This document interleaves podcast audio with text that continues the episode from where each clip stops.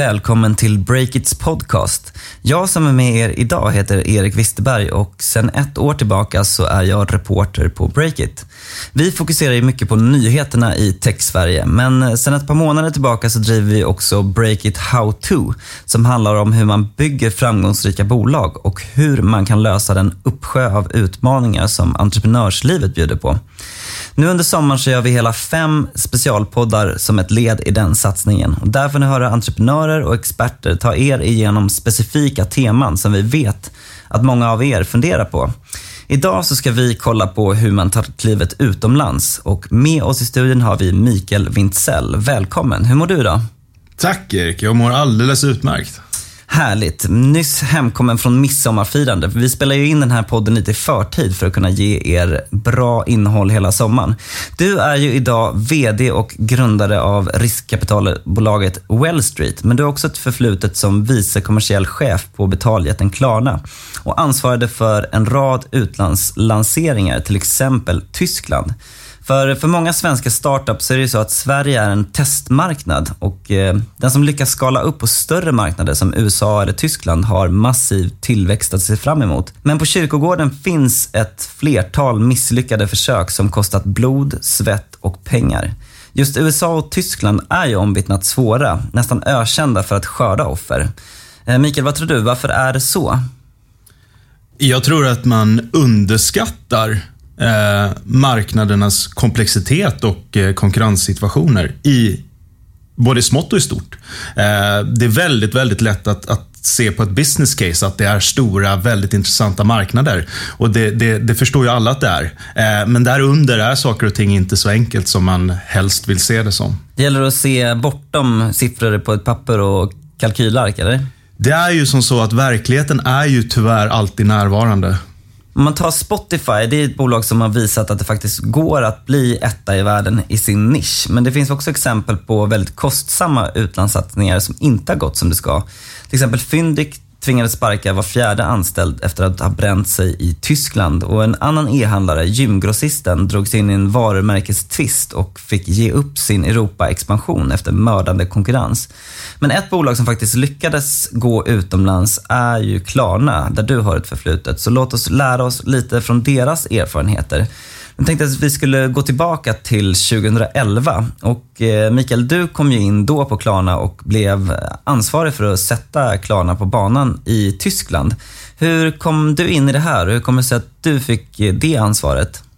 Eh, nej, his historien varför jag kom in från början är ju egentligen som, som allt annat. Man springer på folk till höger och vänster och man gör olika saker och, och, och sen så till slut står, står stjärnorna eh, uppradade och, och, då blir det som det blir. Så att jag, jag kom faktiskt in eh, efter samtal med, med Sebastian och eh, Magnus Fredin då, eh, som var där. Så jag och Magnus jobbade ju väldigt, väldigt nära varandra. Eh, och Eh, jag var ett par månader på, på Stockholmskontoret och, och hjälpte till med, eh, med en produktlansering som hade skett i Sverige som, som heter Klarna Mobil. Eh, som kanske också hade lite justeringar som behövde göras i det. Eh, där, man, där man hade hittat en marknadspotential och, och ville ta den och, och rullade ut en produkt ganska snabbt som vi sen fick, fick fixa till och, och få flyga. Eh, och, och i det, lagom till julen, eh, så, så kom Magnus eh, Fredin förbi och frågade om, om jag kunde åka ner till Tyskland, eh, där han såg lite utmaningar i den relativt nylanserade marknad som det då var i det. Eh, så jag åkte ner eh, och eh, vi kom väl ganska snabbt fram till att det behövdes nog en rätt rejäl satsning i, i, i att ta hand om den tyska satsningen och försöka vända den till en, till en framgång. Och där blev jag. Just det, så det låter som att ditt första uppdrag, det var egentligen då titta på vilka problem som ni hade stött på, eller? Ja, men så var det ju. Så var det. Jag tror att, eh, och, och som du säger, vi ska lära av saker och ting. Jag tror att den den Tysklandslanseringen är ju också till mångt och mycket ett skolboksexempel på hur lätt det är att göra lite, lite fel eller lite, lite mindre rätt som kan ha ganska stora konsekvenser. Eh, framförallt när man lanserar på den typen av, av stora marknader. Eh, så att ja, absolut, det var en hel del saker som behövde justeras. Men sen var det ju också att, att tar du dig in på en marknad så måste du ju växa fort eh, och du måste växa mot lönsamhet och, och, göra det på ett bra sätt. Och det här är ju en sån typ av tjänst som, som också kräver personal, lokal personal och med det så kommer det ju ytterligare komplexitet i det. Eh, så att eh, det var väl till mångt och mycket ta det som, som hade lanserats och, och försöka förädla och sen bygga sten för sten därifrån. Och eh, du, du, var inne där på att man såg saker som man kunde tweaka som var mindre lyckade, men som om man gjorde rätt skulle ge stor effekt. Va, vad var det som, som du såg och vad var det som ni kunde göra för att eh, växa i Tyskland? Jag tror, jag tror det som var nyckeln för oss när, när, vi, när vi vände det från, från en stor utmaning till en stor potential, det var ju egentligen när vi blev ödmjuka inför det faktum att man måste vara lokal. För, för, att, för att bli globalt framgångsrik så måste du också vara lokal. Eh, det vill säga, du måste förstå nyanserna i allting. Allting ifrån anställningar till profiler till din kommunikation mot konsument till produktens paketering, prismodeller, konkurrenssituationer och partnerskap. Alla de här delarna har lika mycket detaljer som allt annat i sig. Och det ser olika ut från marknad till marknad. Så, så enkelt är det. Just det, för man tänker ändå att Tyskland och Sverige då som exempel är ganska lika liksom, kulturellt och hur marknaden funkar. Men eh, det är ändå så pass stora nyansskillnader att man behöver ha lokala team som förstår det där. Är det, är det så jag ska tolka det? Ja, men absolut. absolut. Och jag, jag, jag, jag är ju militant motståndare till den här hur likt saker och ting är i världen. För, för så är det inte. Eh, om, om vi bara tar all enkelhet och så flyger vi från Kiruna till Malmö. Eh, finns det skillnader? Ja, det finns väsentliga skillnader på hur man gör affärer där. Flyger vi från Stockholm till Helsingfors, eller Stockholm till Oslo, eller Stockholm till Köpenhamn? Finns det skillnader på hur man gör affärer och hur marknaden ser ut? Ja, absolut. Större och mindre givetvis beroende på vilken typ av tjänst du lanserar. Eh, men de finns där. Eh, och sen blir det i princip bara värre. Sen finns det en del tvillingmarknader, men de ligger inte geografiskt nära varandra. Eh, och Det kan vi också återkomma till lite senare. Hur, hur expanderar man faktiskt på ett, på ett smart sätt? Eh, och, och, Det är en av de greppen som vi försöker använda oss av idag i, i de bolagen vi bygger i Wall Street. Just det, men konkret då, så det ni gjorde då var att eh, anställa ett ledningsteam eller hur? hur? Ja, vi, vi, vi började från grunden egentligen. Vi tittade på det vi hade lanserat, produkten. Vad, vad var det som fungerade bra? Vad var det som fungerade dåligt? Dels utifrån marknadens och, och konsumenternas eh, input på, på tjänsterna, men också givetvis utifrån ett finansiellt perspektiv. Eh, vad tjänade vi pengar på och inte? Var, var kunde vi göra justeringar? Eh, bara en sån sak. Hur många timmar spenderade våra säljare i bilar för att täcka marknaderna? Var skulle kontoren egentligen ligga? När man hade börjat sondera terrängen. Det, det är ett sånt otroligt basal sak när det kommer till Tyskland. är att många går runt och lever i devisen om att, om att det är en e-handelsmarknad som är 8 till 10 gånger större än den svenska marknaden. Vilket är jättebra på pappret. Eh, men tar du då bort Amazon, Ebay och Otto Group som du ändå inte kommer få som kunder, ja, då har du en marknad som är plötsligt kanske är tre, fyra gånger så stor som den svenska marknaden, men med en helt annan kostnadsstruktur. Och, och då börjar attraktiviteten avta något. Eh, då ska du vara rätt säker på din sak. Just det, tillbaka till det där att titta igen på sin kalkyl och se vad som egentligen är baserat i verkligheten där. Precis.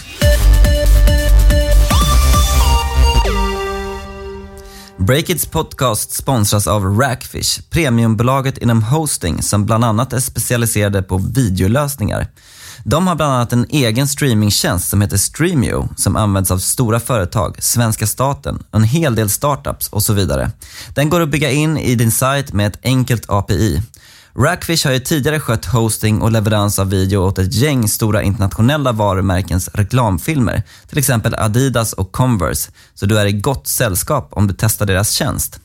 Om du vill göra det så kontakta Rackfish-grundaren själv, Johan Olde, på 08 425 018 18. Där är det oftast han som svarar. Tack Rackfish! Vilka skillnader, om man tänker på i hur folk använder tjänster och sådär, såg ni mellan Sverige och Tyskland där som blev viktiga för Klarna? Ja, dels så finns det ju i Tyskland då, eh, under den tiden, så var ju många av de stora e-handlarna stammade ju ur gammal postorder business. Eh, vilket i sig medförde att det fanns väldigt mycket gamla kundstockar. Det fanns gamla sätt att göra saker och ting på.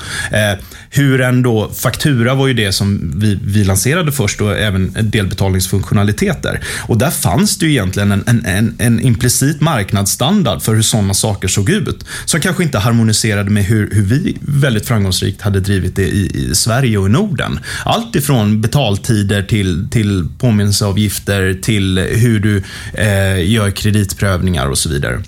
Och Det hade väl egentligen ingenting att göra med vad som var rätt eller fel, utan det handlade om vad marknaden förväntade sig.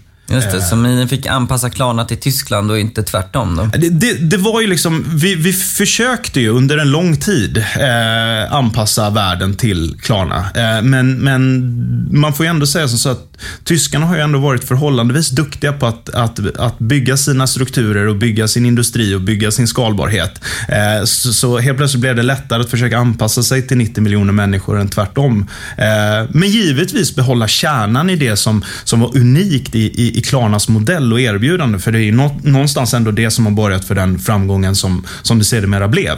Eh, så vi tappade ju inte bort identiteten i, i vad vi ville leverera och varför. Eh, och, och det fönstret mönstret på marknaden såg vi ju fortfarande. Men sen var det de här, just de här nyanserna som jag återkommer till. För att det upplevs egentligen bara som nyanser, ändå mycket av det var väldigt fundamentalt och kanske stora ingrepp.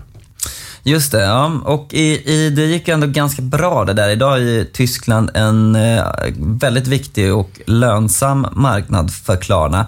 Jag tänkte att vi skulle ta och lyfta blicken lite här till vad du håller på med idag. För att eh, Wall Street, ni investerar ju i eh, tillväxtbolag. Eh, och jag antar att ni sitter och tittar på hela tiden vilken utlandspotential som de här casen har.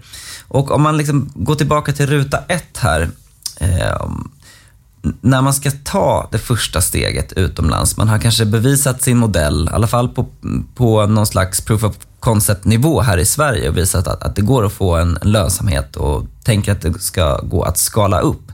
Men hur börjar man? Ja, det, det är en otroligt bra fråga och, och, och med risk för att, att förstöra ditt körschema så vill jag ta ett steg tillbaka för att jag tycker att väldigt många stressar eh, det här med utlandsexpansion. Eh, man jag tycker att många tar klivet, inklusive våra egna bolag är på väg att göra det också. Man tar det där klivet innan man som entreprenör är mogen, innan man som organisation är mogen, innan man som produkt är mogen och innan man finansiellt är mogen att göra det. Eh, och det, det, finns någon form av inneboende stress. Dels vad som förväntas av dig som entreprenör och globalt skalbart produktbolag. Eh, men också till viss del från från, från investerare i förhållandevis relativt tidiga skeden. Eh, vilket förvånar mig ganska mycket. Eh, våran filosofi är ju lite annorlunda. Den är ju som så här, kan inte våra bolag ge, ge bra lönsamhet och avkastning på hemmamarknaden utan att hämma eventuell global skalbarhet, ja, men då tycker inte vi att det är intressant. Eh, för att måste du erövra någon av de stora världsmarknaderna för att bli ett framgångsrikt bolag, nej, men då är risken för stor för oss. För vi har inte den uthålligheten eller plånboken. Vi, vi jobbar ju på ett lite annat sätt. Just det. Ja, men då, då hoppar vi vidare lite här, så kommer vi tillbaka till första steget. Men då känns det som att här är nyckelfaktorn att veta när man faktiskt är mogen att ta det där klivet utomlands. Och eh, om man börjar med, hur mycket pratar ni med era bolag om det? Oerhört mycket. Oerhört mycket. Eh, och, och, det är som så här, vi försöker inte hindra någon från att expandera, utan vi vill bara att de ska ha rätt strategi inför det. Eh, och, och, det är ju, det kommer ju till när man ser att man får en mogenhet i, i, i responsen från kunden, oavsett om det är konsumenter eller, eller företagstjänster som man har. Eh, nu finns det en fördel med om, om man levererar företagstjänster. Eh, då finns det en expansionsstrategi som jag förespråkar och det är att man, man, man vänder sig till ens kunders andra marknader. Eh, för då har du redan bevisat din produkt, du har fått ett förtroende hos organisationen och du kan mycket lättare gå till en annan marknad tillsammans med dem. Eh, för det är ju också som så här, du, du, du måste få den lokala anpassningen i dina tjänster. Och det är mycket lättare att göra det tillsammans med vänner än med någon som du ska börja en, en ny relation med. Eh, så, så, så det, det, är någonting som vi, vi gärna tittar på. Sen finns det givetvis strategiska expansioner att du av konkurrenssituation eller av andra skäl måste in på en marknad. Eh, och nu sitter jag och gör citationstecken här som syns väldigt dåligt i en podd. Men, men du förstår vad jag menar. Det, det, det, det är viktigt att ta en marknad. Alltså, eh, eller så kan någon annan göra det under tiden kanske? Ja, men precis. precis. Eh, så så, så det, är, det är väl liksom de delarna av det. Men det finns ju också en väldigt enkel metodik idag om du jobbar med konsumenttjänster och det är ju att oavsett om du jobbar webbaserat eller appbaserat idag så får du ju väldigt, väldigt mycket KPIer eh, in idag där du ser vilka marknader som responderar mot din kommunikation. För det är ju också som så att ditt varumärke och, och, och din product offering kommuniceras på ett speciellt sätt Eh, oavsett om du vill det eller inte. Och på det svarar olika marknader på olika sätt. Använd den datan och se var minsta motståndets lag eh, finns. Och, och sen givetvis titta om den marknaden är potentiellt intressant eller inte. Eh, och, och, gå den vägen. Så det, det, finns ju, det finns ju strategier för att minska risken i utlandsexpansionen. Men sen ska man också tänka på att många av de här bolagen är väldigt små idag. Vilket gör att expansion tar otroligt mycket managementtid. Det ska man inte glömma. Så du kan inte lämna din hemmamarknad ofärdig. För att du kommer tappa 50, 75 eller 100% av managementfokuset på den marknaden för att du är på jakt efter en ny marknad. Och, och det, Man ska heller inte glömma hur lätt det är för någon annan att ta över en marknad som du redan har paved eh, vägen för, eh, men sluta leverera på. Just det, så budskapet är att eh, hemmamarknaden den måste rulla så pass bra att du egentligen kan lämna över det till, till en annan person i bolaget och fokusera all din tid, i stort sett om det krävs, på expansionen. Vad är det för nyckeltal som, som är viktiga att titta på för att avgöra det här om du är redo att gå utomlands eller inte? Ja, I grund och botten så handlar det om, om att faktiskt validera en, en affärsmodell, ett business case, där, där, där unit economics faktiskt stämmer. Eh, vad, vad, vad, vad, blir min cost of service eller cost of production i den här marknaden och vad kan jag debitera och vad är sannolikheten för att jag kommer kunna göra det? Så att man någonstans säger att ja, up and running så är det här faktiskt en, en lönsam marknad. Eh, det måste ju någonstans vara utgångsläget, även om inte alla verkar se det så. Men, men för oss är det ett utgångsläge i det. Eh, och Det gör ju att man har ett antal marknader på sin shortlist. Och sen komma tillbaka till lite det jag var inne på tidigare då, att se hur marknaden responderar. Och det, det, är ju så lätt att mäta idag hur din trafik faktiskt engagerar med dig eller, eller, eller påverkas av den. Eh, förstår de vad du säger? Är de attraherade av det? Eh, hur ser tunneln ut eh, på de respektive marknaderna? Och Det är ju väldigt billigt idag att provtrycka det utan att göra fysiska expansioner. Eh, och Börjar man lägga ihop de här två delarna, ja men då börjar man verkligen komma ner på en shortlist om att ja, här är det nog värt att investera både marknadsföring eller kanske till och med organisation för att se om, om det här går att flyga. Men hur gör ni och, och era bolag, om man tänker på den, den rent så här, krassa researchen som, som måste göras på respektive marknad för att upptäcka de här skillnaderna som du pratade om i början här. Eh, hur går det till? Är det så att man liksom sätter sig på plats, åker ner och pratar med folk eller hur, hur tar man reda på vad det är som egentligen skiljer? Ja, absolut. Gärna det. Sen, sen börjar ju arbetet hemma vid med att göra de här första typerna av screening där man egentligen går igenom all typ av data som finns. Allt ifrån population till internetpenetration till mobila enheter. Ja, alla de här klassiska delarna i det. Vad använder man för betalsätt och så vidare och så vidare. Sen göra en konkurrensanalys. Vad finns på marknaden idag och så vidare. Alla de här delarna kan man ju göra och, och, och sålla bort det som är minst intressant av det. Men sen försöker ju vi då bistå med nätverk. Vi har ju ett antal personer i våra nätverk som driver framgångsrika bolag på de flesta geografier. Som, om det inte är direkt konkurrerande, kan ta emot våra entreprenörer eller ta ett samtal med våra entreprenörer och, och ge dem sin bild av det.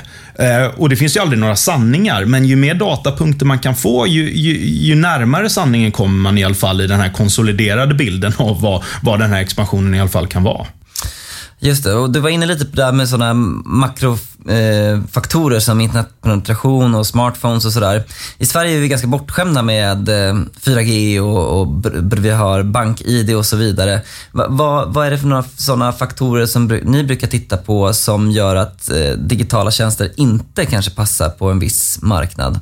Ja, men två av dem är ju givetvis internetpenetration och, och eh, mobil Eh, mobila devices, eh, penetrationen. Det är en del av det. Det andra är ju då eh, dels sånt som är regulatoriskt. Eh, och Det kan ju vara vilka typer av, om man, om man tar liksom läkemedel, doktortjänster eller andra typer av finansiella tjänster eller compliance-delar. Att det finns trösk, olika höga trösklar på olika marknader. Det är också en sån viktig, nästan makroperspektiv som man måste ta på de delarna. Men sen kommer det också ner till beteendedelarna. När det kommer till, vissa tjänster går ju inte att, att, att leverera utan ett, ett kreditkort. Eh, på ett bra sätt, för upplevelsen blir inte bra. Eh, hela världen är ju inte frälst än. Eh, och, och, och det, det, gör ju att sånt måste ju tas eh, hänsyn till. För du kan ju inte komma nio tiondelar av, av resan och sen blir det dåligt på slutet. För då kommer du all, det kommer kosta för mycket att ta sig igenom de bitarna.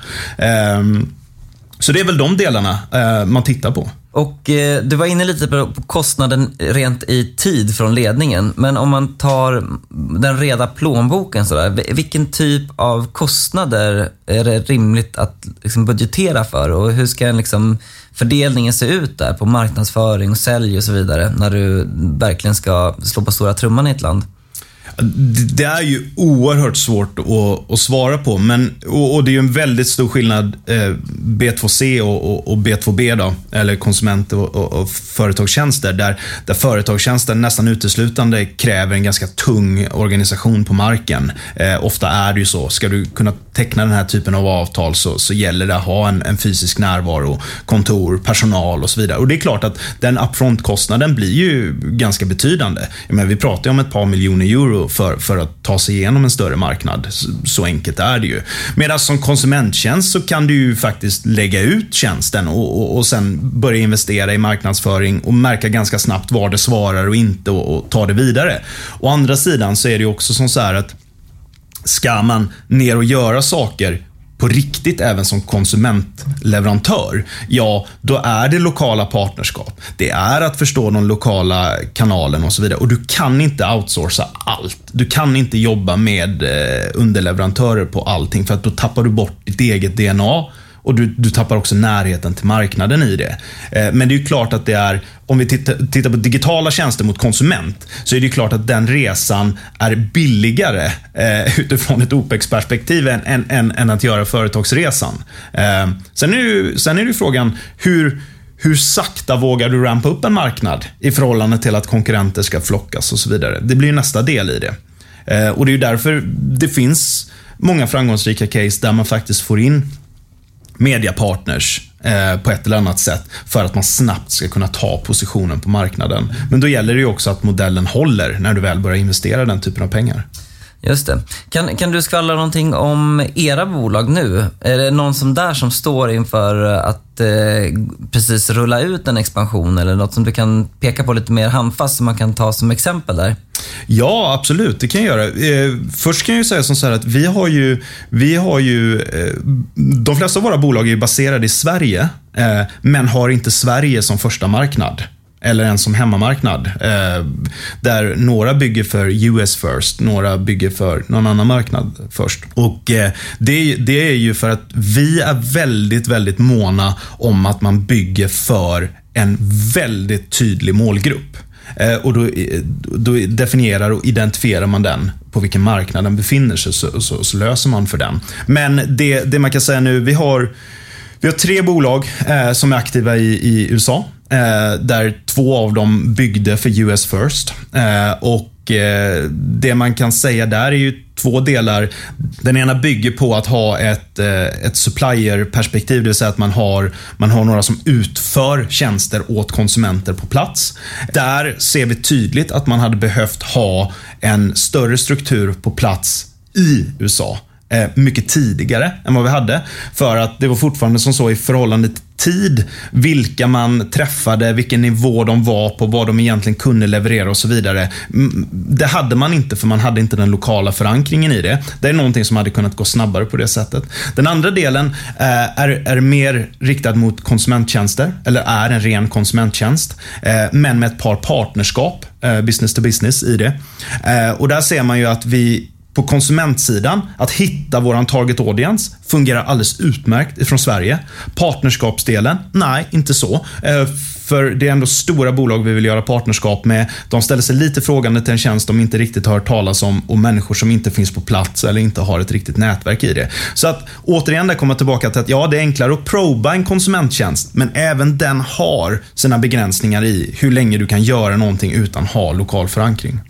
Jag tänkte också höra lite kring, det finns ju också en chans att även om man har gjort sin läxa och gått igenom de här stegen som du pratar om för att se vilken marknad som är rätt och eh, man får indikationer på att det funkar men sen så går det inte riktigt att skala så man når inte riktigt eh, lönsamheten där. Alltså, hur lång tid ska man ge en ny marknad innan man eh, liksom får bita i det sura äpplet och rulla tillbaka och, och lägga sig på kammaren och fundera igen? Um Ja, det är en bra fråga. Om, om, vi, om vi ska ta det i två delar egentligen. Alltså det som är det viktiga någonstans, det är ju att, att påvisa att affärsmodellen som sådan håller. Att unit economics stämmer. Du får in mer pengar än vad det kostar att driva tjänsten som sådan. Eh, sen kommer investeringar på toppen av det. Får jag bara stanna där? Hur, hur, snabbt behöver du nå det? Är det från liksom dag ett eller sex månader eller vad pratar vi? Ja, alltså du, du behöver ju ha ett business case eh, redan innan som visar att, att så är fallet med hyggligt undanbyggda fakta och sen så måste du ha en validering på att konverteringen eller, eller antal kontrakt är tillräckligt många som faktiskt validerar att ja, du kan ta betalt på det här sättet och kostnaderna ser ungefär ut som de gjorde i business caset. Eh, och, och, och, ser du inte det på de första sex månaderna, ja men då är du ju ute och, och svamlar. Cykla lite. Ja. ja, men sex månader eh, högst då för att validera antaganden där ja. i det nya landet. Sen betyder ju inte det att du, behöver, att du behöver tjäna pengar efter sex månader. Men då vet du att den underliggande modellen håller håller i det. Sen är ju allting en fråga om gas och broms där utifrån. Hur många anställda vill du ha? Hur många kontor ska du ha? Hur mycket investerar du i marknadsföring? Eh, men, men hittar du inte rätt i det där, nej men då har du antingen inte product market fit, eller så håller inte affärsmodellen. Och på längre sikt då, um, hur, hur lång tid bör det ta innan man har liksom nått den positionen som du strävar efter i ett nytt land? Jag tror att marknadspositionsmässigt tar saker och ting alltid mycket längre tid än vad man vill, hoppas och tror. Utan det jag tror är viktigt är att komma till en punkt inom två år där du börjar få betala tillbaka din investering. Eh, för då, då har du inga problem att fortsätta investera, så att säga. När du ser att kurvan går åt rätt håll. Ja, men bra, då har vi två tydliga eh, punkter där. Sex månader och två år. Eh, sista frågan på det här temat bara. Är det så att det måste bli rätt direkt eller får, får du flera chanser på, på att sätta dig på kartan i ett nytt land? Grymt bra, grymt bra fråga. Och eh, Det här svaret, precis som alla andra svar, är ju generella uppfattningar utifrån från den verkligheten jag har levt i. Eh, och, och, Det finns eh, säkert tusentals människor där ute som skriker nu att, att det är helt fel och de har gjort precis tvärtom. Allt så är det. Men, det, men det här är ju det här är min uppfattning av det. Och jag tycker ju att det är oerhört viktigt att få ut någonting på marknaden som man vet är bra nog, men man behöver inte ta de där extra tre månaderna för att putsa till någonting som man själv tror är rätt. För att du kommer ha gjort fel. Du kommer få nyansskillnader. Du kommer få marknadsinput som du måste ta hänsyn till. Och ju tidigare du får det, ju bättre är det. Däremot så måste du ju ha satt de här trygghetsbitarna. Du kan ju inte komma med någonting som faktiskt strider mot lokala policies eller lagar eller vad det nu må vara för någonting. För då, då, blir, då blir tröskeln så enormt mycket högre när du ska över nästa gång i de där delarna. Men det här, de, här, de här lokala anpassningarna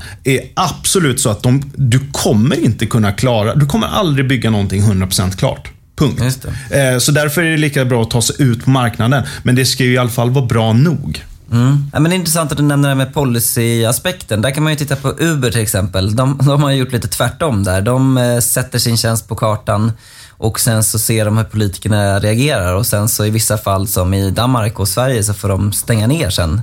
Kanske till en hög kostnad så när man exporterar ut sin tjänst eller sitt bolag till en ny marknad så blir det ofta så att man skapar en organisation till slut i det landet som, som blir en egen enhet på något sätt. Jag tänker att det är svårt också att hålla ihop kulturen och hålla ihop sitt bolag och att ha samma mål överallt. Vad, vad tänker du där? Hur, hur ska man egentligen organisera för att styra sin eh, utlandsverksamhet på bästa sätt för att lyckas med det? Jag tror att det är det är väldigt viktigt givetvis att ha en kärnkultur. Ehm, men kulturen tycker jag mycket sitter i stoltheten över produkten eller tjänsten. Ehm, och, det går ju liksom hand i hand med. Har man, har man lanserat någonting på en marknad som, som man är stolt över och som representerar kärnvärdena för bolaget, ja men då är det lätt att ty sig till det eh, när, man, när man börjar jobba på de marknaderna. Är du däremot otydlig i vem du är, vad du löser för och vad produkten egentligen är, eller att, du, att du, det går för lång tid innan du har satt den, att du får den här marknadsinputen gång efter gång efter gång och du håller på i åratal och försöker hitta produkten, ja, då är det mycket svårare att känna en rak rygg och en stolthet i det och då blir det också mycket svårare att bygga kultur runt omkring det. Sen, sen är det ju som så att jag, jag är övertygad om att kultur är till viss del perception. Eh, och, och det är ju som så att du kan aldrig uppfatta kultur på samma sätt i ett ett satellitkontor som du kan på huvudkontoret. Av många skäl. Där finns grundarna, det är byggt från, från, från scratch. Det, det, finns, eh, det finns en helt annan typ av stolthet för den resan man har gjort. Folk i satellitkontoren kommer in senare och så vidare. Men du får aldrig, aldrig vara otydlig i varför vi finns, varför vi står rakryggade och varför vi är stolta över vår produkt och vårt bolag. Sen blir det en nyansskillnad i kulturen. Och det tror jag att man snarare ska se som ett berikande. För du kan inte, du kan inte göra den här ett till ett kulturtransfereringen. Det går inte. Eh, av den enkla anledningen att kulturen ser annorlunda ut.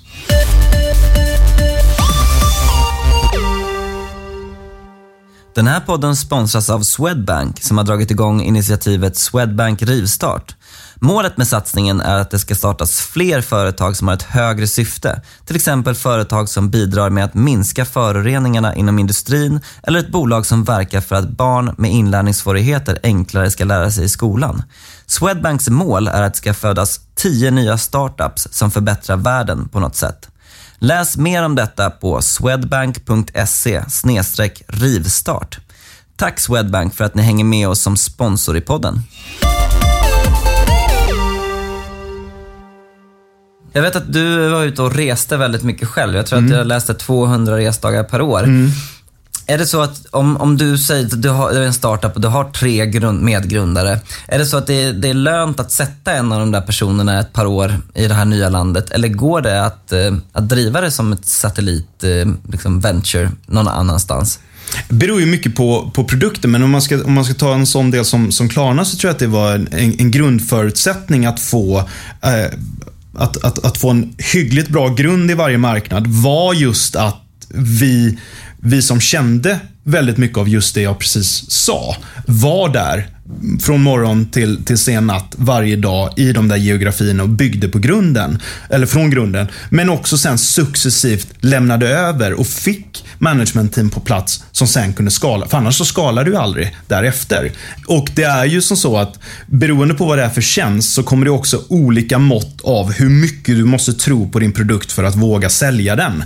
Och, och, och jag kan nog villigt säga att både jag och, och Sebastian på Klarna var nog väldigt mycket mer övertygade om produktens förträfflighet i Tyskland än vad de tyska vdarna på e-handelsbolagen och de tyska säljarna var initialt.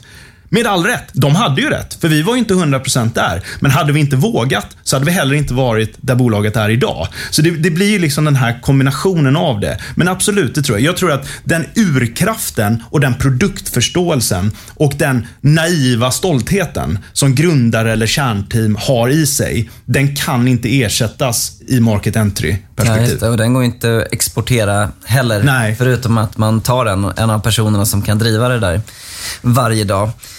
Du, nu, nu var du inne här på, på Klarna igen. Jag måste ändå fråga, eh, för din egen del. Du sa att när du kom in där och tittade över den expansionen så var det ett antal saker som behövde korrigeras. Men personligen, vilka misstag gjorde du som du har kunnat dra lärdom av senare i livet under den där tiden? Oj, äh, men jag, det, det är nog allt överallt. Det man fick förmånen att göra var att i och med att det blev så stort, så snabbt, så såg man också hur viktigt att, göra allting rätt och ordentligt, i, i, framförallt när du bygger organisation.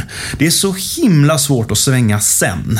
Eh, få in rätt folk, få in rätt värderingar, få in rätt beslutsprocesser, alla sådana här saker. För annars blir det ett lapptäcke av det. Och det, det slöar ner organisationen, det skapar frustration, det, det skapar ingen skalbarhet av det. Så mycket runt omkring det där att försöka försöka bygga rätt från början. Och, och där, där, tror jag nog många av, av de entreprenörerna som, som är anslutna till Wall Street idag tycker att, att jag är rätt jobbig. För att jag tycker att man ska göra massa saker eh, ordentligt från början och det är liksom strukturer och lite mm, processer. Lite såhär mellanstadie, magister. Eh. Ja, men lite sådär. Och de säger, ja, men var, var inte du på Klarna? Du låter som du kommer från en bank. Eh, och, och, och det är lite, det blir lite sådär. Men det, men det är också för att det kostar så fruktansvärt mycket både tid, pengar och, och ork att göra rätt sen. Eh, och sen, sen är det ju som så att det, att uppleva hur mycket ett budskap kan uppfattas annorlunda på olika marknader, på olika sätt det tas emot, olika typer av individer och strukturer. Det, det är magiska lärdomar. Det gjorde ont som satan då, eh, men det, det, det är gott att ha gjort. Härligt. Eh, minns du något specifikt sånt tillfälle när du fick en sån lärdom som gjorde ont? Ja, men det är nog oftast, skulle jag vilja säga, i rekryteringsprocesser. Eh, det, det, är nog det där man verkligen har känt att, ja men, åh, vad vi var nära varandra och vad det här blir bra och det här känns ju helt perfekt på alla sätt och vis. Och till och med så att man kanske ibland eh, tar ett leap of faith. Man liksom hoppar över det där sista eller man, man ger lite extra i lön eller någonting för att det, det känns så bra. Och sen blir man så omåttligt besviken för att man inte gjorde jobbet hela vägen. Ja, men du, jag tänkte återknyta till det här du pratade om i början, att det finns någon slags stress nästan att eh, gå utomlands. Och det, många pratar, pratar också om, du nämnde USA first och sådär, det finns ju också någon tanke om att man ska lansera globalt direkt. Men eh, den här eh, stressen i att gå utomlands, vad, vilket håll kommer den ifrån? Är det entreprenörerna själva eller investerarna eh, som, som kräver det här? Min syn på det är att investerare som har kommit in i senare skeden på våra techsuccéer de senaste tio åren eh, har med all rätt krävt en internationell expansion eller en globalisering av det. Och eftersom det blir då eh, förebilden för alla, så, så, så börjar alla eh, med sin PowerPoint med globala ambitioner.